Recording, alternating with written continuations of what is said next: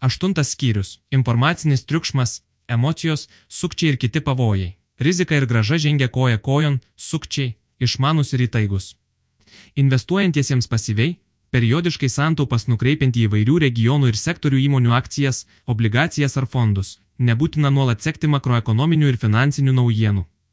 Norintiesiems aktyviau valdyti savo investicijas ir bandyti reaguoti į tai, kas vyksta skirtingose šalyse, sektoriuose ar įmonėse, privalu stebėti naujienas ir atsakingai pasirinkti informacijos šaltinius.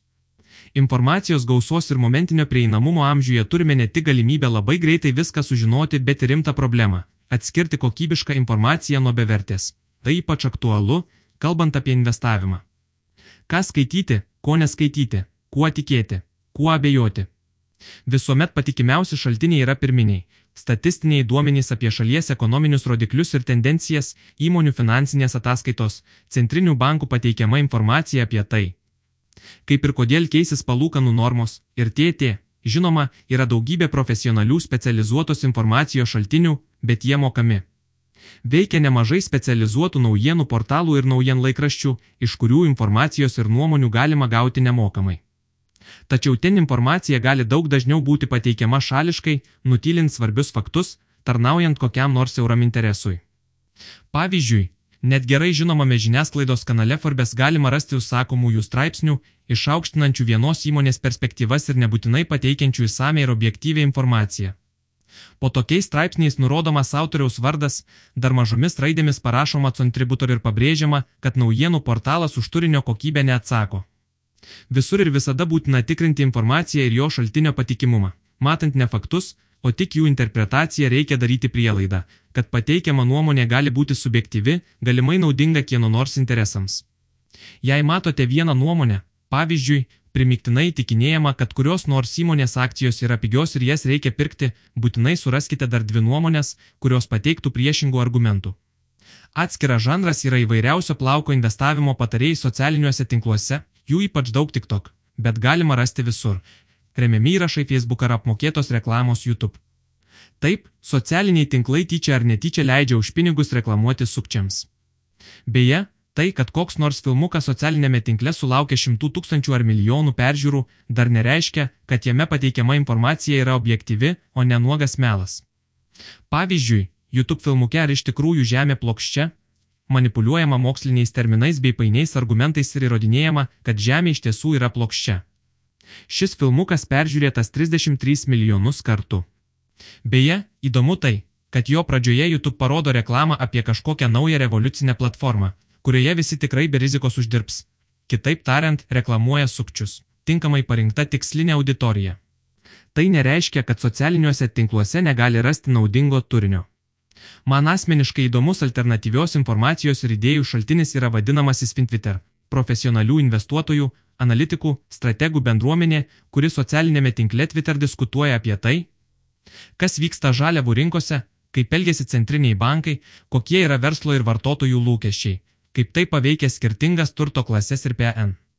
Ten daug rečiau galima rasti konkrečių rekomendacijų, ką pirkti ir parduoti, bet įvairios, dažnai viena kitai prieštaraujančios, nuomonės ir argumentai padeda geriau suvokti. Kaip veikia ir kuria kryptimi juda finansų pasaulis. Būtent aktyviau investuojantiems žmonėms tai gali būti vienas iš šaltinių, padedančių plėsti akiratį ir kompetencijas. Vis dėlto ir šiuo atveju nereikėtų manyti, kad tai yra neklystančių, ateitį nuspėti galinčių visažinių bendruomenė, kaip atpažinti sukčius ir šarlatanus. Jei kas nors bando jūs įtikinti, kad galite be rizikos investuoti ir garantuotai uždirbti didelį pelną, neabejokite, kad 99 iš 100 atvejų pelno tikrai kas nors uždirbs, bet tai būsite ne jūs. Paklauskite savęs, jei kažkas žino, kaip be rizikos uždirbti pinigus investuojant, kodėl gaišta savo laiką ir varginasi, bandydamas įtikinti nepažįstamuosius, kad jie gali lengvai praturtėti.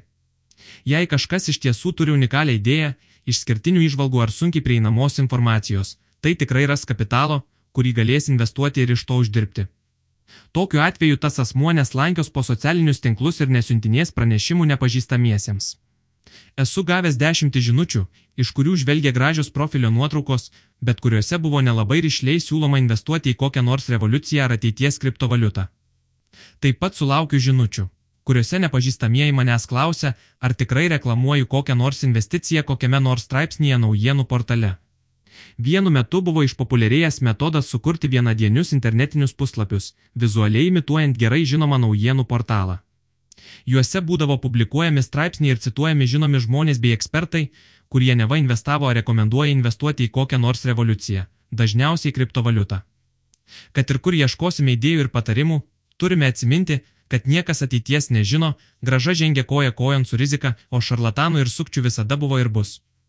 Kasdien matome naujai atsirandančių būdų kurti susidomėjimą kokiu nors investicijų objektu, bet pati investavimo sukčių strategija yra sena kaip pasaulis, vadinama užkelk ir nusimesk. Iš pradžių įvairiausiais būdais seniau tiesiog susisiekiant telefonu, dabar per įvairias medijų platformas smulkus investuotojai raginami pirkti kokį nors investicinį objektą, tarkime, akcijas ar kriptovaliutas. Ant kabliuko užkimbant vis daugiau smulkių investuotojų, to aktyvo kaina pradeda kilti ir tuomet tampa daug lengviau pritraukti naujų smulkiųjų investuotojų, kurie pirkdami dar labiau sukelia kainą. Galiausiai visam procesui diriguojantys sukčiai jau už labai aukštą kainą pradeda pardavinėti savo turimas akcijas ar kriptovaliutas, uždirba pelno, o smulkieji investuotojai lieka su didžiuliais nuostoliais. Norintiesiems pamatyti, kaip tai vyksta praktikoje, rekomenduoju pažiūrėti klasikinį filmą apie šią strategiją pavadinimu rizika. Taigi, kai kalba eina apie pinigų įdarbinimą, jūsų skeptiškumas ir atsargumas turi būti kelis kartus didesnis nei kitose gyvenimo srityse. Ypač jei neįtikėtinai gerais pasiūlymais jūs apipila besišypsantis ir įtaigus gatvėje ar socialinėme tinkle sutiktas nepažįstamasis. Kaip greitai praturtėti nerizikuojant ir nepersistengiant. Šio poskirio pavadinimas galėtų būti ir šios knygos pavadinimas. Tuomet jis sulauktų daugiau pirkėjų ir skaitytojų. Deja, atsakymas į šį klausimą jūs nuvils. Visų pirma, Jei ieškote trumpo lengvo kelio siekdami sudėtingų tikslų, jau esate labai blogame kelyje, kuris dažniausiai nuveda tik prie nesėkmių ir nusivylimų.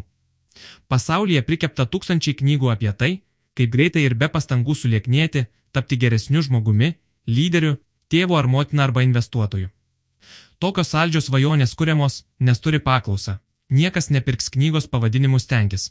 Mokykis, nuolat tobulėk, sunkiai dirbk ir tau galbūt pasiseks. Todėl ir pasipila patraukliai ir žaismingai surašytos knygos, kurias lengva skaityti, bet sunku iš jų ko nors išmokti. Dažniausiai skaitytojui pasiūlomas koks nors paprastas ir aiškus kelių žingsnių receptas, toks, kurį išbandyti gali beveik kiekvienas, tariamai vedantis prie greitų ir fantastiškų rezultatų. Problema ta, kad net jei siūlomos geros gyvenimo būdo taisyklės mankšta, meditacija, skaitimas, jos nebūtinai tiesiogiai susijusios su žadamu rezultatu lyderyste, turtu. Nemažiau populiarus ir pavojingas tokių knygų ir ypač seminarų, po 19 eurų pardavinėjamų socialiniuose tinkluose žanras, susijęs būtent su pinigų valdymu ir investavimu. Be jokios abejonės, svarbu planuoti išlaidas, nusistatyti asmeninės pinigų valdymo taisyklės pavyzdžiui, penktadalį pajamų neišleisti, o investuoti. Bet tai nereiškia, kad galite rasti auksinį gralį, padėsinti greitai praturtėti niekuo nerizikuojant. Mėgėjiškame investicijų valdymo pasaulyje prikurta skambių, bet trivialių taisyklių. Jos gali atrodyti kaip lengvas kelias greito pelno link, bet praktikoje realizuojamos labai sunkiai retai veda prie pageidaujamų rezultatų. Jokių paslapčių ir stebuklų čia nėra, investavimas turi būti ilgas, periodiškas, lėtas ir nuobodus procesas. Tik tuomet jo rezultatai bus prognozuojami ir nenuvilintis. Emocijos ir investavimas - blogi partneriai. Emocijos ir argumentacijos klaidos nepadeda uždirbti pinigų. Deja, emocijos yra nuolatinės aktyvaus investuotojo palidovės. Kylant akcijų kainoms apima euforija, pasitikėjimas savimi, norisi dar labiau rizikuoti, girtis, dalyti patarimus. Krintant akcijų kainoms užvaldo baime, kartais panika, kuri taip pat nepadeda priimti šaltų ir racionalių protų paremto sprendimo. Jei jums kyla noras kas valandą pasižiūrėti, kaip keičiasi jūsų investicijų vertė, tai negerai, ieškote trumpalaikių emocijų, kurių kaip tik reikia vengti. Jei trokštate pliūpsnio endorfinų, bėkite maratoną. Jei trūksta adrenalino, nušokite nuo 10 metrų bokšto į Zarasaičio ežerą arba nueikite į bokso treniruotę. Pulsas padažnės ir prakaitas išmuš užkandus datulinių paprikų. O priimdami sprendimus įdarbinti pinigus, į tai turite žiūrėti su tiek pat atsakomybės ir tiek pat emocijų, kaip ir kraudami nešvarius indus į indaplovę. Kiekvieną žmogų nuolat veikia ir daugybė kognityvinių šališkumų, skubotas ir šališkas informacijos apdorojimas, persunktas emocijų ir asmeninių patirčių, išvedantis iš racionalaus kelio. Mokslinėje literatūroje įskiriama daugiau nei šimtas įvairiausių tokių nukrypimų nuo racionalaus mąstymo, o daugelis jų pasireiškia ir investavimo procese. Todėl reikia žinoti apie populiariausius kognityvinius šališkumus ir argumentacijos klaidas, net jei ne visada save laiku sustabdysime ir jų išvengsime, bent kartais jas pastebėsime ir valdysime. Štai vienas pavyzdys. Akcijoms atpigus trečdaliu. Tuo pat metu bitkoinas nuvertėjo per pus, todėl šis faktas man įrodo, kad kriptovaliuta nėra skaitmeninis auksas. Ji neapsaugo nei nuo infliacijos, nei nuo karų, nei nuo panikos finansų rinkose. Šį faktą sudėtinga ginčyti, ekrane raudonu ant juodo tai ryškiai iliustruoja pats objektyviausias rodiklis - jo kaina. Tada pribėga kriptovaliutų apologetai ir sako, bet pažiūrėk, kaip to banko akcijos atpigo. Tokia argumentacijos klaida, pažodžiui išvertus iš anglų kalbos, vadinama raudona silke. Tai nereiškia, kad argumentas yra klaidingas. Taip, akcija atpigo. Bet iš čia visiškai netinka ir nukreipia dėmesį nuo diskusijų objekto esmės. Tokias argumentacijos klaidas dažnai naudoja politikai žinoma, tyčia. Pavyzdžiui, vienas politikas sako kitam, tu galimai apsivogiai, tave pagavo su sunkiai paaiškinamos kilmės pinigų puokšte. Pastarasis atsako, tavo partijos nariai su didesnė pinigų suma prie septynerius metus sulaikė. Pamatęs tokį raudonos silkės argumentą suprantu, kad diskutuojantis jis nebeturi. Ką pasakyti, kaip apginti savo poziciją, todėl paskutinis jo vilties šiaudas yra keisti temą arba nukreipti dėmesį nuo savęs link kito objekto. Investuotojai turėtų nepolitikuoti, o laikytis griežtos logikos. Šiuo atveju nesvarbu, kiek kokia akcija atpigo, juk kalbame tik apie santykinius pokyčius. Jei mūsų aptariamas bitkoinas atpigo daugiau nei daugelis akcijų, tai jau signalas, kad su juo kažkas negerai ir šį faktą reikia analizuoti, o nekeisti pokalbio temą. Šiame pavyzdyje galima išvelgti vieną iš dažniausiai pasitaikančių investuotojų klaidų susijusių su patvirtinimo šališkumu. Patvirtinimo šališkumas reiškia, kad dažniausiai ieškome tokios informacijos ir lengvai ją priimame, kuri patvirtina mūsų įsitikinimus ir tikėjimą, bet ignoruojame ir atmetame informaciją, kuri jiems prieštarauja. Tokį šališkumą labai sustiprina ir įgalina aktyvus dalyvavimas socialiniuose tinkluose, spaudžiame patinka ant tų įrašų ir naujienų, kurie patvirtina mūsų tikėjimą, ignoruojame ar net blokuojame įsakančiuosius alternatyvę nuomonę. Taip susidaro socialiniai burbulai, aplinkui kuriuos būrėsi tik panašiai, bet nebūtinai teisingai, mąstantys asmenys. Investuojant šis šališkumas pasireiškia tuo, kad prieimus sprendimą pirkti kokią nors akciją ar kitą aktyvą, vėliau ieškoma tik argumentų, pagrindžiančių priimto sprendimo teisingumą. Ir ignoruojamos naujienos bei argumentai, kurie sako, jog sprendimas galimai buvo klaidingas. Kitaip tariant, bet kokią informaciją, prieštaraujančią jūsų tikėjimui ir investiciniai pozicijai, reikėtų stengtis priimti nepriešiškai, nepykstant ant jos leidėjo, o be emocijų įvertinant. Ar tai nekeičia jūsų prielaidų ir suvokimo apie jūs supantį pasaulį? Žinau, tikėjimą ir įsitikinimus pakeisti sudėtinga, bet investuojant gebėjimas tai padaryti gali reikšti didelės pajamas arba galimybę išvengti nemenkų nuostolių. Nežinau, kokia yra bitkoino vertė, bet jei pamatysiu konkrečius ženklus, rodančius, kad jis turi vertingos valiutos ar turto klasės bruožų, galbūt pakeisiu nuomonę ir nebebūsiu toks skeptiškas jo atžvilgiu. Čia išryškėja dar viena investuotojams svarbi savybė - atvirumas kitaip galvojančiųjų argumentams, abejonė savo teisumu, gebėjimas pripažinti, kad klysti ir pakeisti savo nuomonę. Investuodami kartais klysite, kartais būsite teisūs, todėl svarbiausia ne tai, ar klystate, ar esate teisūs, o kiek uždirbate, kai esate teisūs ir kiek prarandate suklydę. Pabaigoje palinkėčiau sėkmės, bet investuojant labiau reikia kantrybės, disciplinos ir drausmės. Pagrindiniai dalykai. Pirmas. Atsargiai atsirinkite informaciją. Tikrinkite faktus. Antras. Rizika ir graža yra neatsiejamos. Trečias. Žadantieji didelę gražą be rizikos yra arba sukčiai, arba sukčių aukos. Ketvirtas. Venkite emocijų, vadovaukitės logika, adrenalino ieškokite kitur. Penktas. Investavimo procesas turi būti lėtas ir nuobodus. Šeštas. Kantrybė, drausmė ir disciplina yra svarbiau už sėkmę. Techninė pagalba pradedančiam investuotojui. Kaip išmokti investuoti. Išmokus taupyti ir sukaupus 3-6 mėnesių išlaidų dydžio finansinį rezervą bei turint atliekamų pinigų kitas logiškas žingsnis - išmokti pinigus auginti. Investavimas skamba tiek pat sudėtingai kaip ir programavimas, tačiau ir vieno, ir kito išmokstama. Koks esi investuotojas? Norint sužinoti atsakymą, galima išbandyti nepriklausomo finansų ekonomisto Tautvido Marčiulaičio parengtą testą, kuris skirtas visiems, besidomintiems investavimo tema. Jį rasti galite Svetbank tinklaraštyje. Ačiū.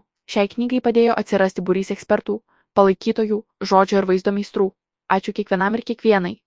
Už išvalgas dėkojame Tadui Gudaičiui, Rasai Verkauskaitai Kazanskieniai, Gediminui Misevičiui, Dianai Kavoliūniniai, Agnijai Jonaitytei Karalieniai. Už istorijas dėkojame Mariui Dijokui, Davidui Šalniui, Pauliui Ambrazevičiui, Laurinui Boguševičiui. Už komiksus dėkojame iliustratoriai Olgai Dekterovai, padėjusiai pamatyti finansus kitų kampu. Už patarimus dėkojame Juditai Martišiai, Karolinai Semenovaitei, Tomui Šilingiui, Justinai Bagdanavičiūtei. Už bendradarbiavimą esame dėkingi Rasai Grigaitei, Justinui Vaitkevičiui, Egliai Bagdonaitei,